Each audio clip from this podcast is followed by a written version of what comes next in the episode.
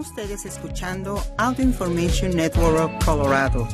Esta grabación está destinada a ser utilizada únicamente por personas con impedimentos para leer medios impresos. La programación regular de este podcast no está disponible en este momento. Esperamos que disfrute de esta transmisión especial de AINC. Gracias por acompañarnos el día de hoy 31 de octubre de 2023, a la lectura de Telemundo Denver. Mi nombre es Janet Patey. Esos son los principales artículos que leeremos hoy. Biden anuncia fuertes medidas contra las tarifas basura en los planes de jubilación. Por Greg Iacurchi, CNBC. La audiencia en Colorado que podría cambiar el futuro político de Donald Trump por The Associated Press. Israel y Hamas en guerra. Ya son casi 10.000 los muertos en ambos lados, por NBC News y The Associated Press.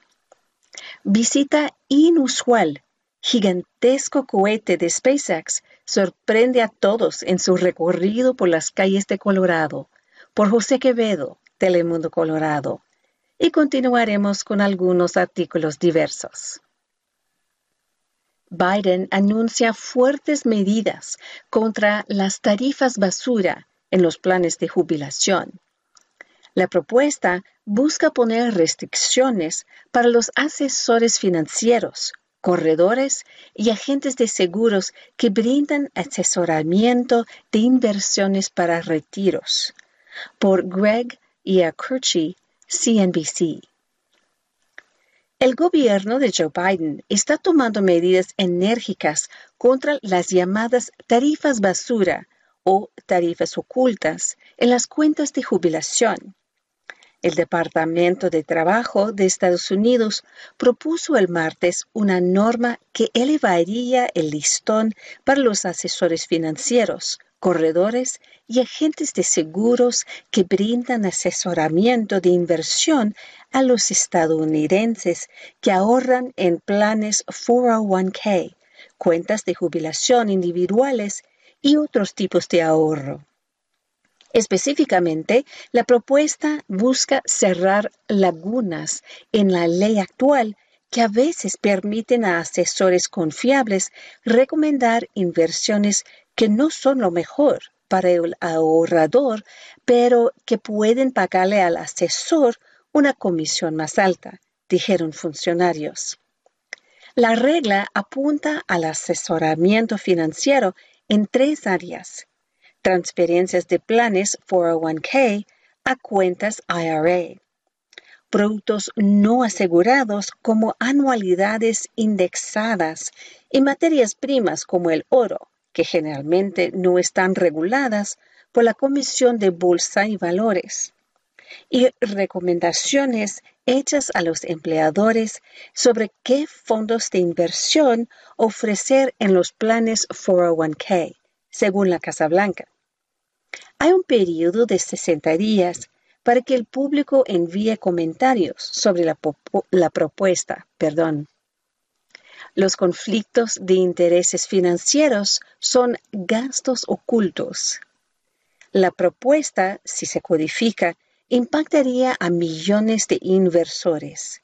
Por ejemplo, en 2020, alrededor de 5.7 millones de estadounidenses invirtieron un total de 618 mil millones de dólares en cuentas IRA según los datos más recientes del IRS. Los individuos también canalizaron 79 mil millones de dólares hacia anualidades indexadas en 2022, un récord anual, según LIMRA, un grupo de la industria de seguros. Y 86 millones de personas estaban invirtiendo activamente en planes tipo 401k en 2019, según el Servicio de Investigación del Congreso. Los costos ocultos de los conflictos financieros en los planes de jubilación equivalen a tarifas basura dijo Lyle Brainerd, directora del Consejo Económico Nacional de la Casa Blanca, durante una conferencia de prensa. Pueden reducir los ahorros para la jubilación de un hogar de clase media en un 20%, lo que equivale quizás a decenas o incluso cientos de miles de dólares, afirmó. Es hora de eliminar las tarifas basura del mercado de ahorros para la jubilación, dijo Julie Sue, secretaria interina del Departamento de Trabajo, durante una llamada. Sin embargo, los críticos creen que regular el, mercado de jubilación de esa manera sería perjudicial. Los republicanos Bill Cassidy, senador por Louisiana, y Virginia Fox, representante por Carolina del Norte, enviaron una carta al Departamento de Trabajo en agosto diciendo que sus esfuerzos por reescribir las protecciones existentes eran equivocados y corrían el riesgo de crear confusión en el mercado de manera injustificada y con gastos de cumplimiento e inestabilidad para planes de retiro, jubilados y de ahorro cómo la propuesta busca aumentar la protección de los inversores. El Departamento de Trabajo tiene jurisdicción sobre las cuentas de jubilación. Su propuesta sometería a los asesores financieros y a otras personas que trabajan con inversores para la jubilación a un estándar legal fiduciario en virtud de la Ley de Seguridad de los Ingresos de Jubilación de los Empleados de 1974, según funcionarios. Aquí por qué esto es importante. Según los abogados, esas protecciones fiduciarias son generalmente las más altas conocidas por la ley en comparación con otras reglas que cubren asesoramiento y recomendaciones financieras. En general, eso significaría que el asesoramiento sobre inversiones debe brindarse únicamente en beneficio de los intereses de los inversores y que los asesores deben dejar de lado sus propios intereses. Las ventas de estas anualidades, que son relativamente complicadas y opacas, con demasiada frecuencia, están impulsadas por incentivos financieros y no por lo es correcto para el inversor, dijo el funcionario. El gobierno de Obama intentó reescribir reglas similares. El Departamento de Trabajo también intentó reescribir las llamadas reglas fiduciarias durante el gobierno de Obama. Sin embargo, el Tribunal de Apelaciones del Quinto Circuito anuló esa medida en 2018. Algunos grupos creen que una nueva norma del Departamento de Trabajo sofocaría la adopción de ciertas inversiones que son útiles para los ahorradores.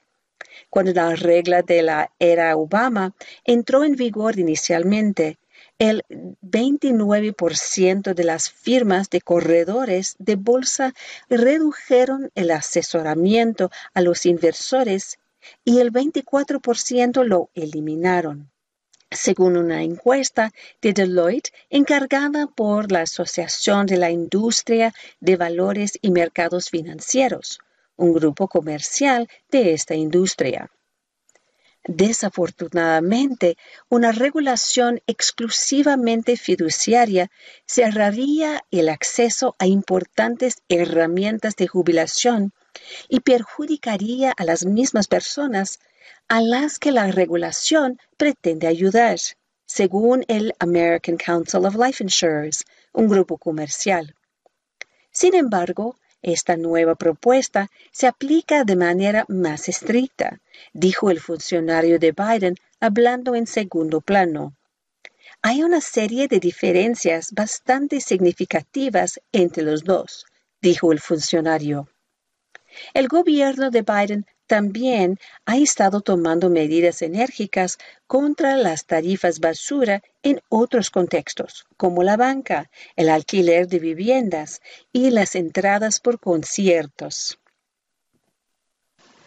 La audiencia en Colorado que podría cambiar el futuro político de Donald Trump la audiencia de Colorado es la primera de dos demandas estatales que podrían terminar llegando a la Corte Suprema de Estados Unidos por The Associated Press. Denver, Colorado. Los esfuerzos por utilizar la cláusula de insurrección de la Constitución de Estados Unidos para impedir que el expresidente Donald Trump se postule otra vez para la Casa Blanca entraron el lunes en una nueva fase. Una audiencia estuvo centrada en si el ataque al Capitolio de 6 de enero cumple la definición de la Constitución de la palabra y si es el papel de Trump alcanza el umbral para ser excluido. La audiencia de Colorado es la primera de dos demandas estatales que podrían terminar llegando a la Corte Suprema de Estados Unidos. El testimonio del lunes comenzó con detalles sobre el asalto de 2021 que tenía como objetivo detener la certificación de la victoria electoral de Joe Biden.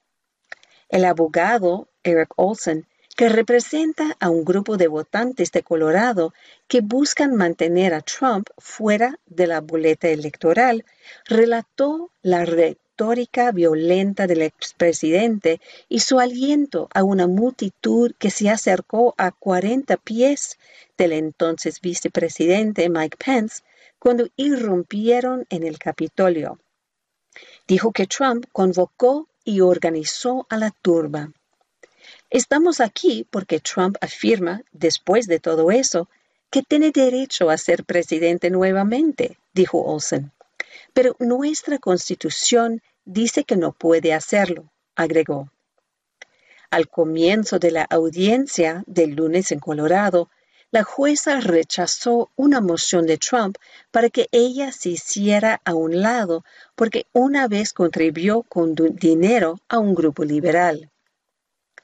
El jueves están programados alegatos orales ante la Corte Suprema de Minnesota en un esfuerzo por expulsar al expresidente republicano de la boleta electoral en ese estado.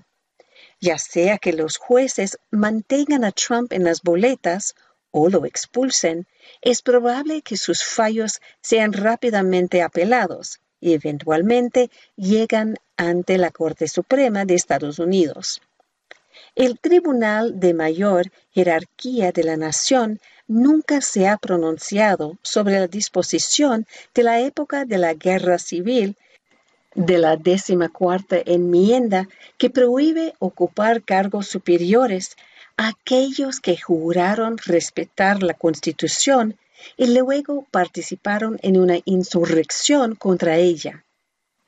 Hemos tenido audiencias con candidatos presidenciales que debatieron su elegibilidad antes, Barack Obama, Ted Cruz, John McCain, dijo Derek T. Muller, profesor de Derecho de Notre Dame, enumerando a los candidatos cuestionados sobre si cumplían el requisito constitucional de ser ciudadano nato pero estos casos, añadió Mueller, son diferentes del uso de una oscura cláusula de la Constitución con la prohibición incendiaria contra la insurrección. Incluso si son posibilidades remotas, dijo Mueller, tienen un camino legal plausible hacia el éxito y plantean cuestiones importantes. Esas cuestiones legales son muy difíciles aseguró Mueller. En los últimos meses se han presentado decenas de casos citando la sección 3 de la décima cuarta enmienda, pero los de Colorado y Minnesota parecen los más importantes, según expertos legales. Esto se debe a que fueron presentados por dos grupos liberales con importantes recursos legales También se dirigieron a estados con procesos claros y rápidos para impugnar las calificaciones de los candidatos en las boletas. Eso significa que los casos de Colorado y Minnesota están tomando una ruta jurídicamente más sólida para lograr que los tribunales obliguen a los funcionarios electorales a descalificar a Trump, a diferencia de otras demandas que buscan una decisión radical de los jueces federales de que el expresidente ya no es elegible para el cargo. Los demandantes en los casos argumentan que la cuestión es simple. Los esfuerzos de Trump por revertir su derrota electoral de 2020, que llevó al ataque del 6 de enero de 2021 al Capitolio de Estados Unidos, significan que está descalificado de la presidencia tan claramente como si no fuera un ciudadano por nacimiento, otro prerequisito constitucional para el cargo. Cuatro años después de prestar juramento de preservar proteger y defender la Constitución como presidente de los Estados Unidos, Trump intentó anular los resultados de las elecciones de 2020, lo que provocó una violenta insurrección en el Capitolio de Estados Unidos para detener la transferencia legal del poder a su sucesor, alega la demanda de Colorado, presentada en nombre de votantes republicanos y no afiliados, por el grupo liberal Ciudadanos por la Responsabilidad y la Ética en Washington. Al instigar este asalto sin precedentes al orden constitucional estadounidense, Trump violó su juramento y se descalificó a sí mismo en virtud de la decimocuarta enmienda para ocupar cargos públicos, incluida la oficina del presidente, se agrega. Trump ha criticado las demandas como interferencia electoral. Sus abogados sostienen que ninguna de las cuestiones es sencilla en una disposición de la Constitución que no se ha utilizado en 150 años. Esta es un ave maría legal de los demócratas, dijo Mike Davis, un abogado que compareció con representantes de la campaña de Trump frente al tribunal el lunes en Denver antes de que comenzara el juicio en Colorado. Este caso se va a fracasar, opinó. La campaña de Trump indicó que había presentado una moción para que la jueza del caso, Sarah B. Wallace, se abstuviera porque había hecho una donación de 100 dólares en octubre de 2022 al Colorado Turnout Project, un grupo liberal cuyo sitio web dice que se formó para prevenir insurrecciones violentas, como el ataque del 6 de enero. Fue designada para el cargo en agosto de ese año por el gobernador Jared Polis, un demócrata. Wallace negó la petición diciendo que no recordaba la donación hasta que se presentó la moción y que no tiene ideas preconcebidas sobre las cuestiones legales del caso. No permitiré que este procedimiento legal se convierta en un circo, aseguró al comenzar la audiencia. La cláusula de la decimocuarta enmienda solo se ha utilizado unas cuantas veces desde inmediatamente después de la guerra civil. Los abogados de Trump sostienen que nunca tuvo la intención de aplicarse al cargo de presidente, que no se menciona en el texto, a diferencia de senador o representante en el Congreso y elector de presidente y vicepresidente. La disposición permite al Congreso otorgar amnistía, como se hizo en 1872, para permitir que ex confederados regresaran al gobierno, lo que ha llevado a algunos a argumentar que no tiene poder sin una ley habilitante del Congreso. Finalmente, los abogados de Trump sostienen que el expresidente nunca participó en una insurrección y simplemente estaba ejerciendo su derecho a la libertad de expresión para advertir sobre los resultados electorales que no creía que fueran legítimos. Los comentarios de Trump no se acercaron a la incitación y mucho menos al compromiso en una insurrección, escribieron sus abogados en un documento presentado en el caso de Colorado. Agregaron ejemplos de casos en los que los autores congresionales de la sección 3 se negaron a usarla contra personas que solo respaldaron retóricamente a la Confederación. Los argumentos en Colorado podrían incluir testimonios de testigos del ataque de 6 de enero u otros eventos importantes durante los esfuerzos de Trump por anular las elecciones. Las identidades de los testigos han sido ocultadas hasta que suben al estrado, parte del esfuerzo del tribunal para limitar la retórica acaladora y las amenazas que se han convertido en un tema en los juicios penales de Trump.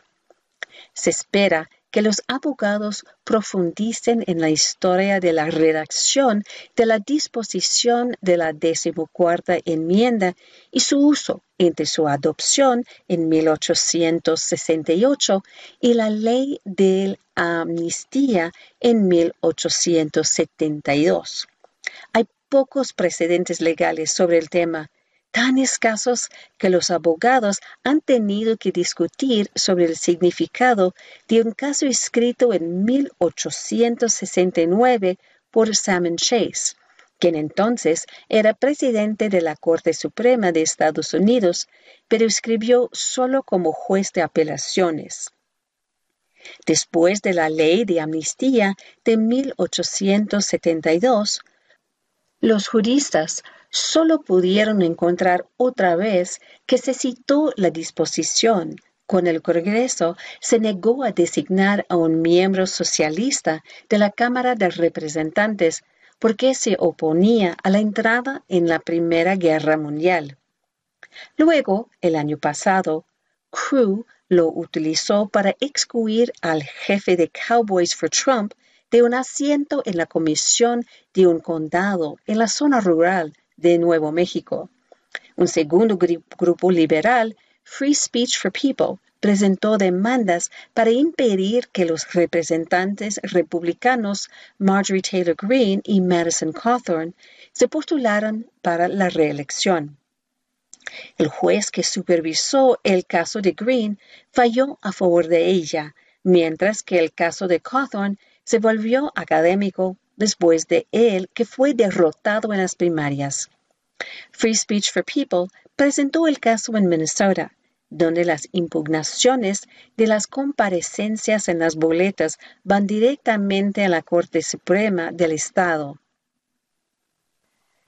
Israel y Hamas en guerra.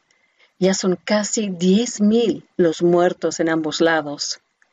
El primer ministro israelí Benjamin Netanyahu rechazó los crecientes llamados internacionales a un alto el fuego para aliviar la crisis humanitaria y dijo que ahora era un momento de guerra.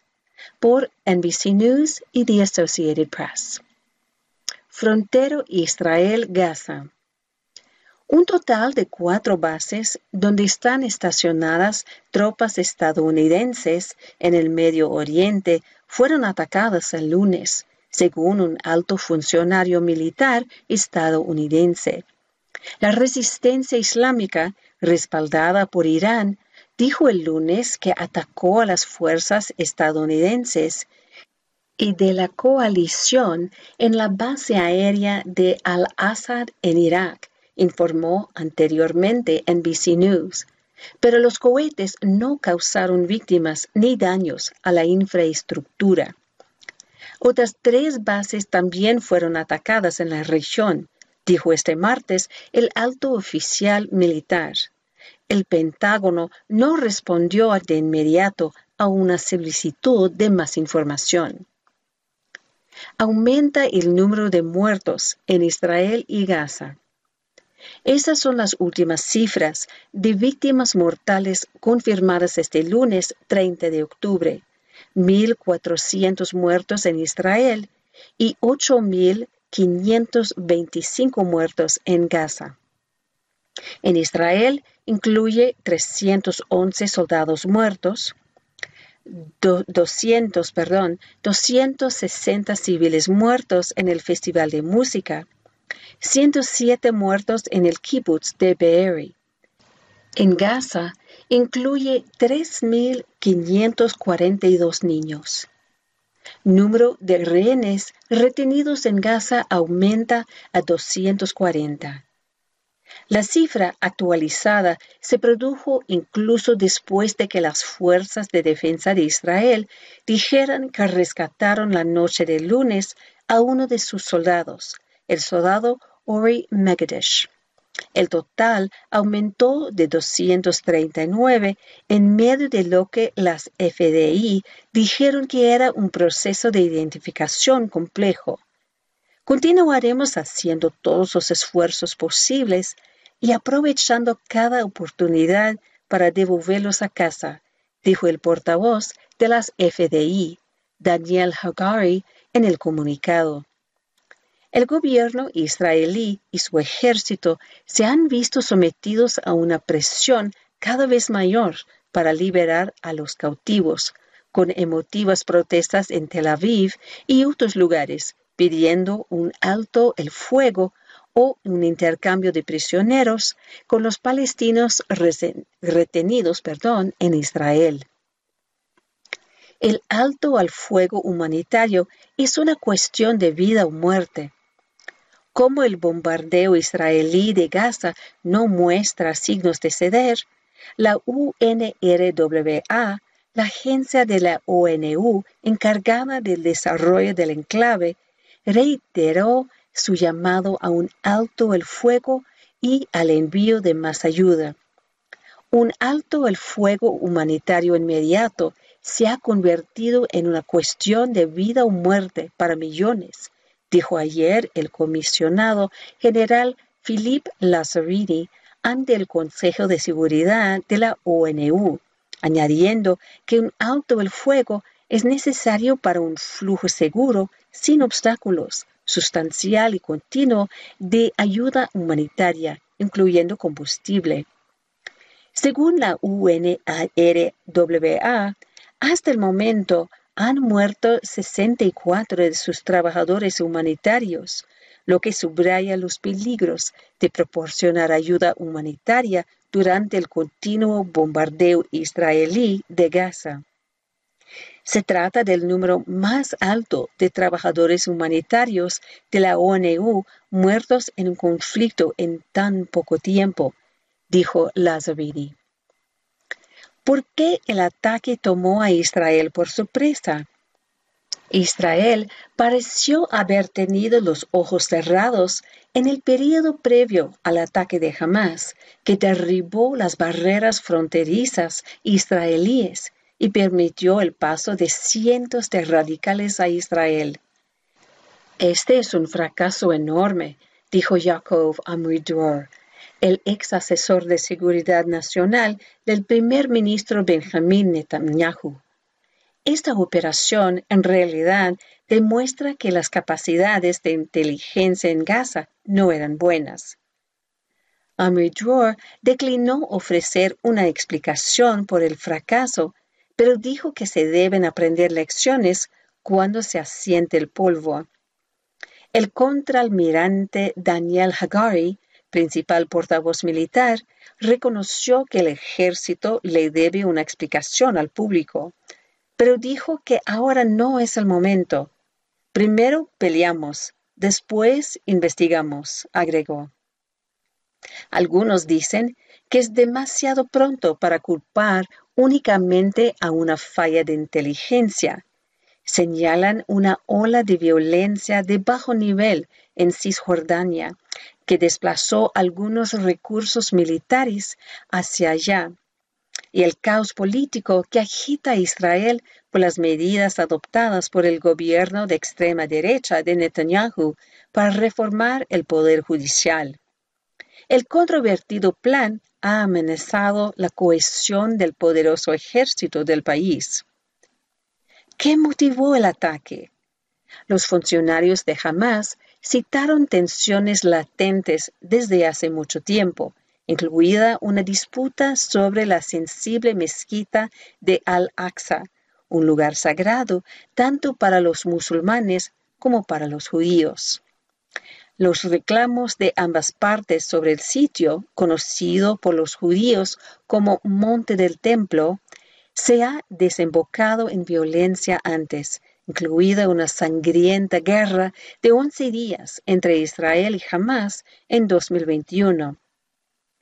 En los últimos años, los nacionalistas religiosos israelíes como Itamar Ben-Gvir, el ministro de Seguridad Nacional, han aumentado sus visitas al complejo. La semana pasada, durante Sukkot, la festividad judía de la cosecha, cientos de judíos ultraortodoxos y activistas israelíes visitaron el lugar, lo que provocó la condena de Hamas y acusaciones de que los judíos estaban orando allí en violación del acuerdo del statu quo. Hamas también ha citado la expansión de los asentamientos judíos en tierras que los palestinos reclaman para un futuro Estado y las acciones de Ben Gvir para endurecer las restricciones a los prisioneros palestinos en Israel. Las tensiones aumentaron con las recientes y violentas protestas palestinas. En negociaciones con Qatar, Egipto y las Naciones Unidas, jamás ha presionado para que Israel haga concesiones que puedan aliviar el bloqueo de 17 años sobre el enclave y ayudar a detener una crisis financiera que empeora. Visita inusual. Gigantesco cohete de SpaceX sorprende a todos en su recorrido por las calles de Colorado. Por José Quevedo, Telemundo Colorado. Denver, Colorado. ¿Un cohete de SpaceX en plena carretera de Colorado? Este inusual avistamiento tuvo lugar en Centennial y el sargento Dasso de la oficina del alguacil del condado Arapahoe, que estaba realizando labores de patrullaje, capturó un video mientras el cohete se desplazaba hacia el norte por South University Boulevard. El cohete, que medía 190 pies de largo, era tan grande que los trabajadores tuvieron que bajar y dirigir manualmente el eje trasero para que pudiera girar en las curvas. Incluso tuvieron que elevar los cables de las farolas en un momento para que el cohete pudiera pasar. Según fuentes de la ciudad, el destino final del cohete Falcon 9 era una exhibición permanente junto al edificio Dish Network en Littleton. La oficina del alguacil informó que cinco de sus unidades de patrulla acompañaron al cohete en su recorrido a través de su jurisdicción.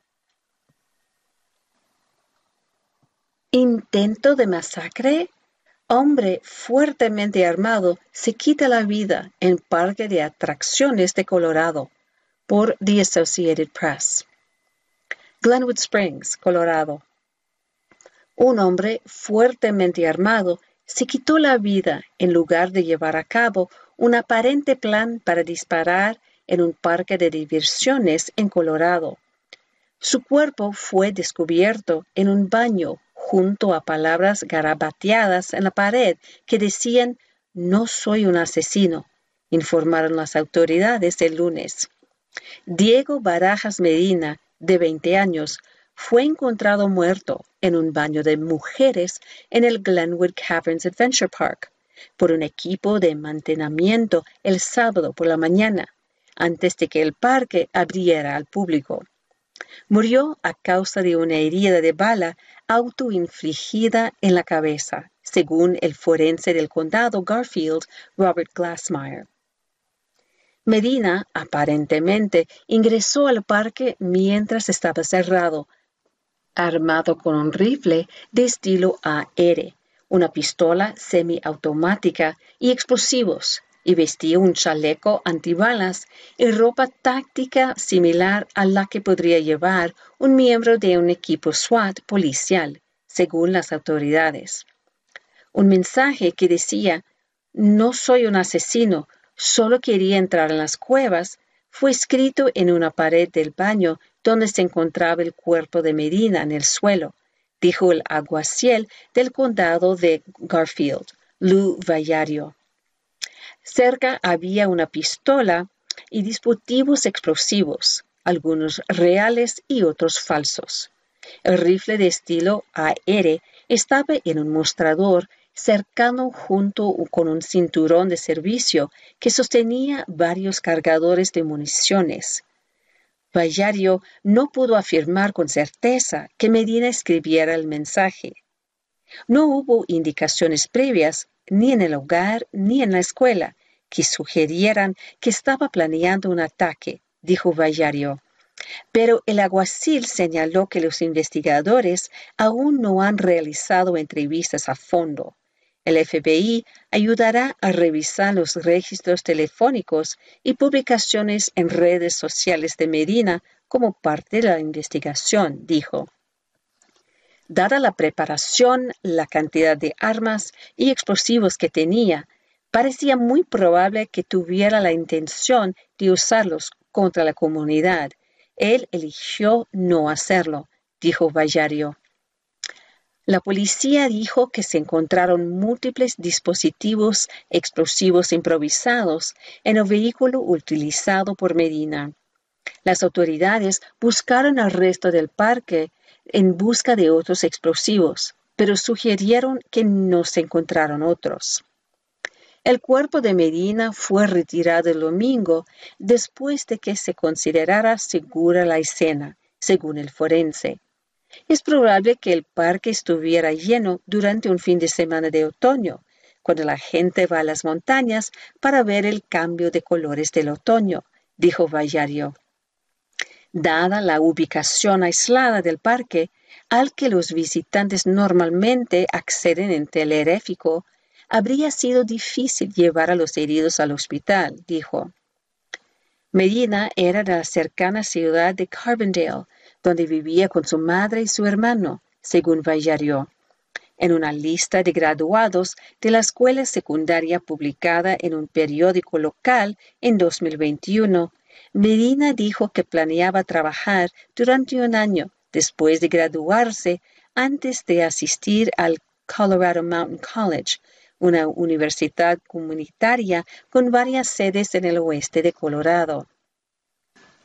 Una búsqueda en su habitación por parte de las fuerzas del orden no encontró nada que indicara explosivos o la fabricación de bombas, y no tenía antecedentes penales conocidos ni encuentros previos con la policía, dijo el alguacil.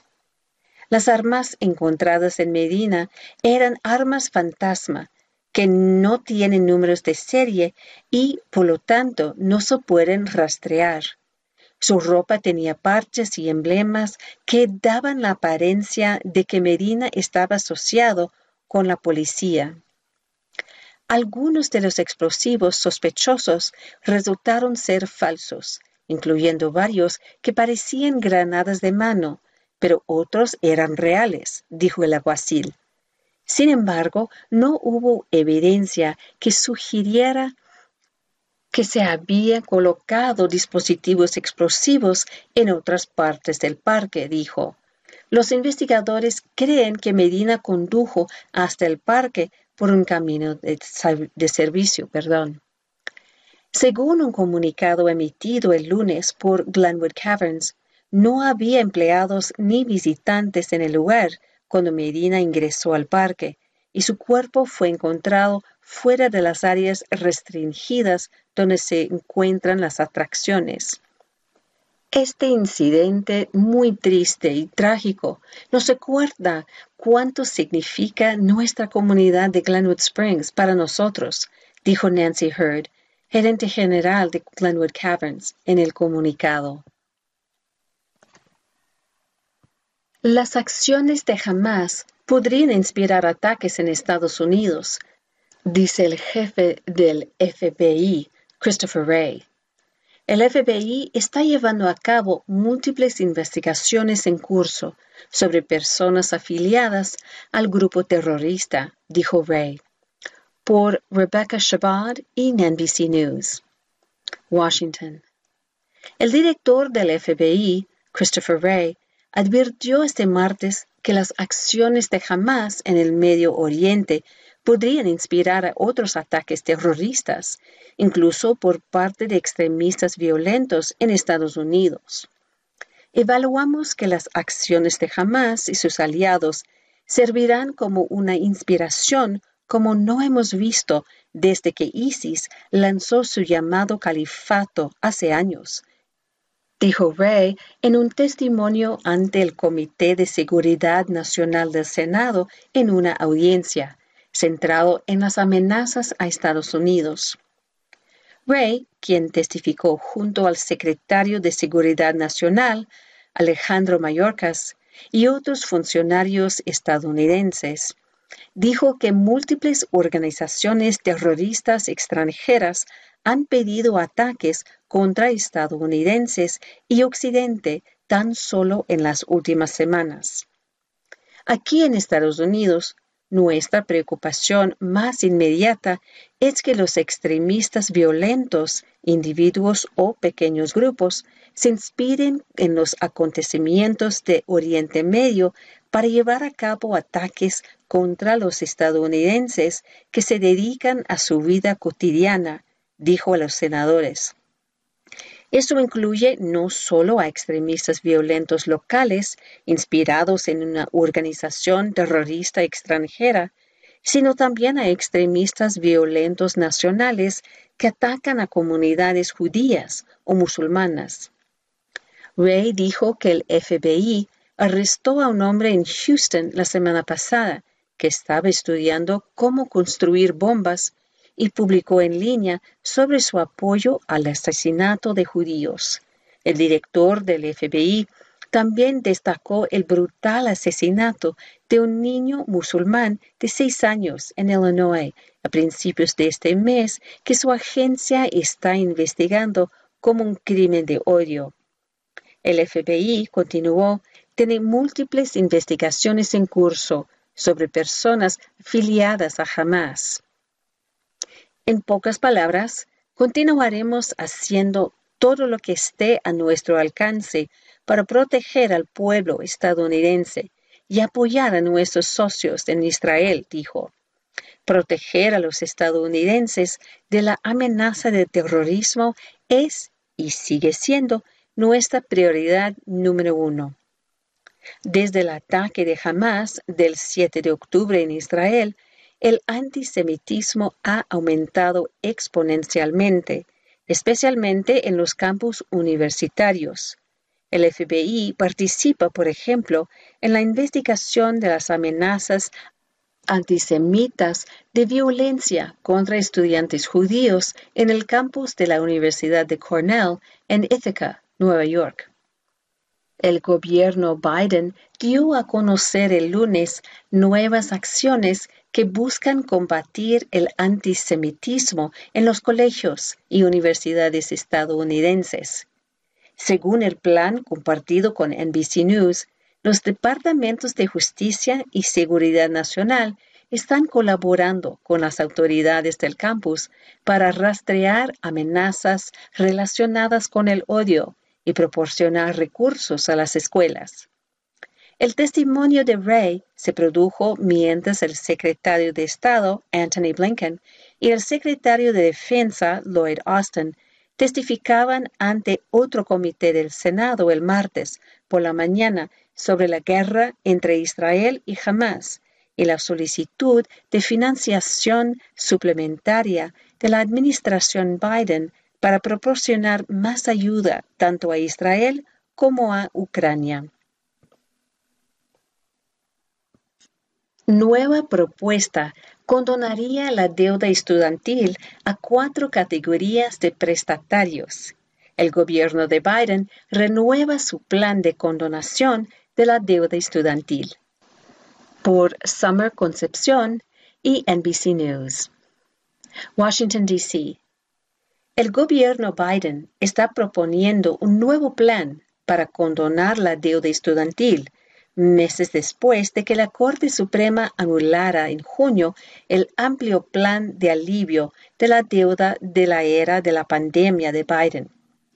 El Departamento de Educación publicó el lunes una propuesta de alivio de la deuda estudiantil dirigida a cuatro categorías de prestatarios. Aquellos con saldos de préstamos estudiantiles federales que exceden el monto prestado original.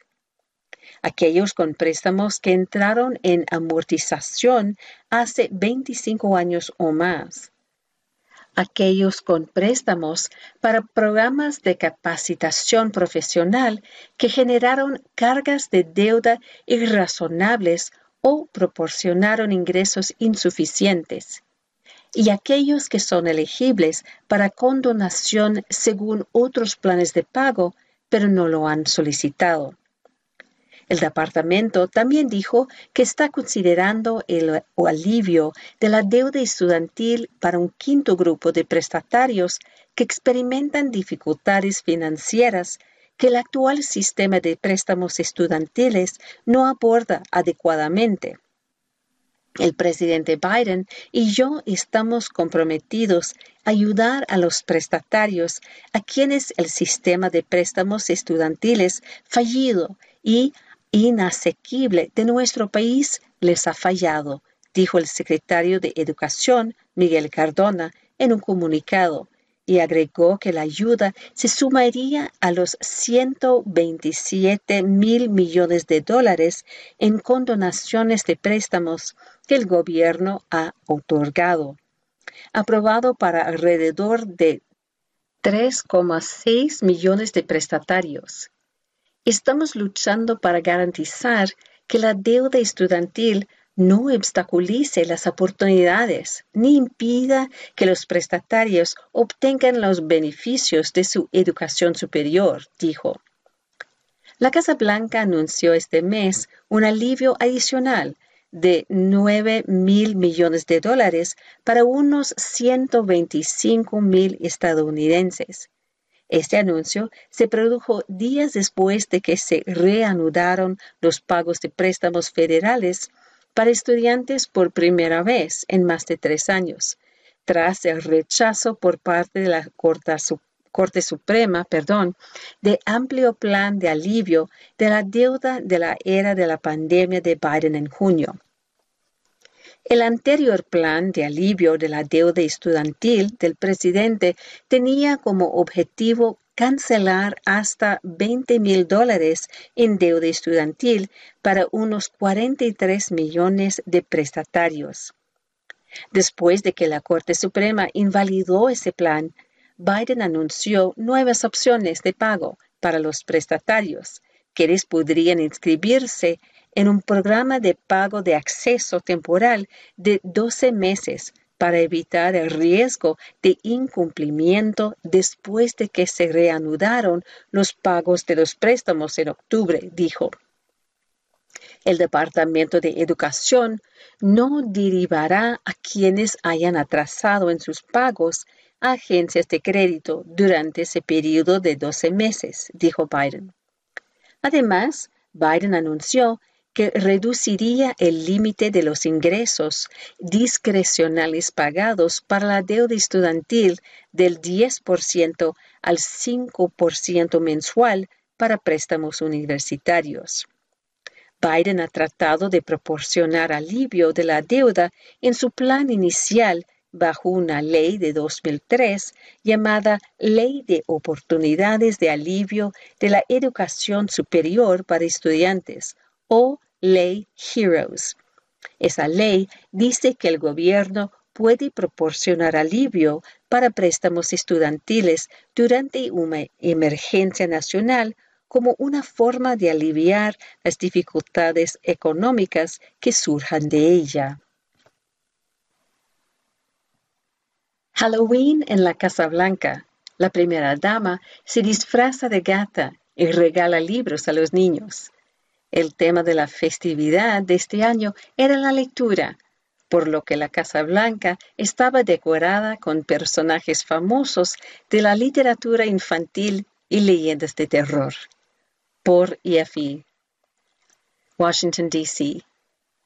La primera dama de Estados Unidos, Jill Biden, regaló el lunes libros infantiles mientras su esposo, el presidente Joe Biden, daba caramelos a un grupo de niños en la Casa Blanca para celebrar Halloween. El evento, que se produce un día antes de que tenga lugar el día de Halloween, este martes 31 de octubre, estaba dirigido a estudiantes de colegios públicos y de familias relacionadas con el ejército.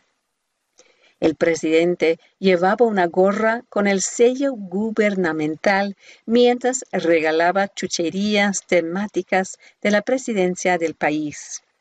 El tema de la festividad de este año era la lectura, por lo que la Casa Blanca estaba decorada con personajes famosos de la literatura infantil y leyendas de terror. La iniciativa fue una idea de la primera dama, que ha trabajado durante más de 30 años como profesora.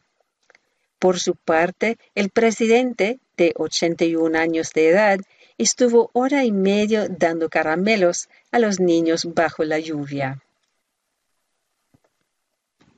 Absolutamente devastadora. Compañeros de reparto en Friends sobre la muerte de Matthew Perry. Éramos más que simples compañeros de reparto, somos una familia, dijeron sus compañeros de reparto. El querido actor murió el sábado a los 54 años. Por Diana Jazrath y Marlene Lantang, NBC News. Los compañeros de reparto de Matthew Perry en Friends calificaron el lunes su muerte como una pérdida insodable que los ha dejado completamente devastados. Éramos más que simples compañeros de reparto. Somos una familia, dijeron Courtney Cox, Jennifer Aniston, Lisa Kudrow, Matt LeBlanc y David Schwimmer en un comunicado conjunto. Hay mucho que decir, pero ahora vamos a tomarnos un momento para llorar y procesar esta pérdida insondable. Con el tiempo diremos más, cuando podamos, continuó el grupo. Por ahora Nuestros pensamientos y nuestro amor están con la familia de Mary, sus amigos y todos los que lo amaron en todo el mundo. Perry murió el sábado aparentemente ahogado en su casa en el vecindario Pacific Palisades de Los Ángeles a los 54 años, dijeron a NBC News un representante de Perry y una fuente policial se recibió una llamada al 911 a las 4 y 7 pm hora local y fue tratado como un rescate acuático, dijo el capitán de bomberos de Los Ángeles, Eric Scott, en un comunicado. Los socorristas encontraron a un hombre adulto inconsciente en un jacuzzi independiente. Un transeúnte sacó la cabeza del hombre del agua y lo llevó hasta el borde, Luego los bomberos lo sacaron del agua a su llegada, dijo. Lamentablemente, una evaluación médica rápida reveló que el hombre había fallecido antes de que llegaran los socorristas. El médico forense del condado de Los Ángeles aplazó el domingo la búsqueda de la causa de la muerte hasta que se completen los resultados toxicológicos. Eso podría llevar de tres a cuatro meses, dijo la oficina del médico forense a NBC News. El querido actor era conocido por sus chistes ingeniosos y su ritmo cómico en su papel de Chandler Bing en la longeva comedia de los 90 Friends, así como por su vulnerabilidad al compartir su batalla contra la adicción al alcohol y los opioides.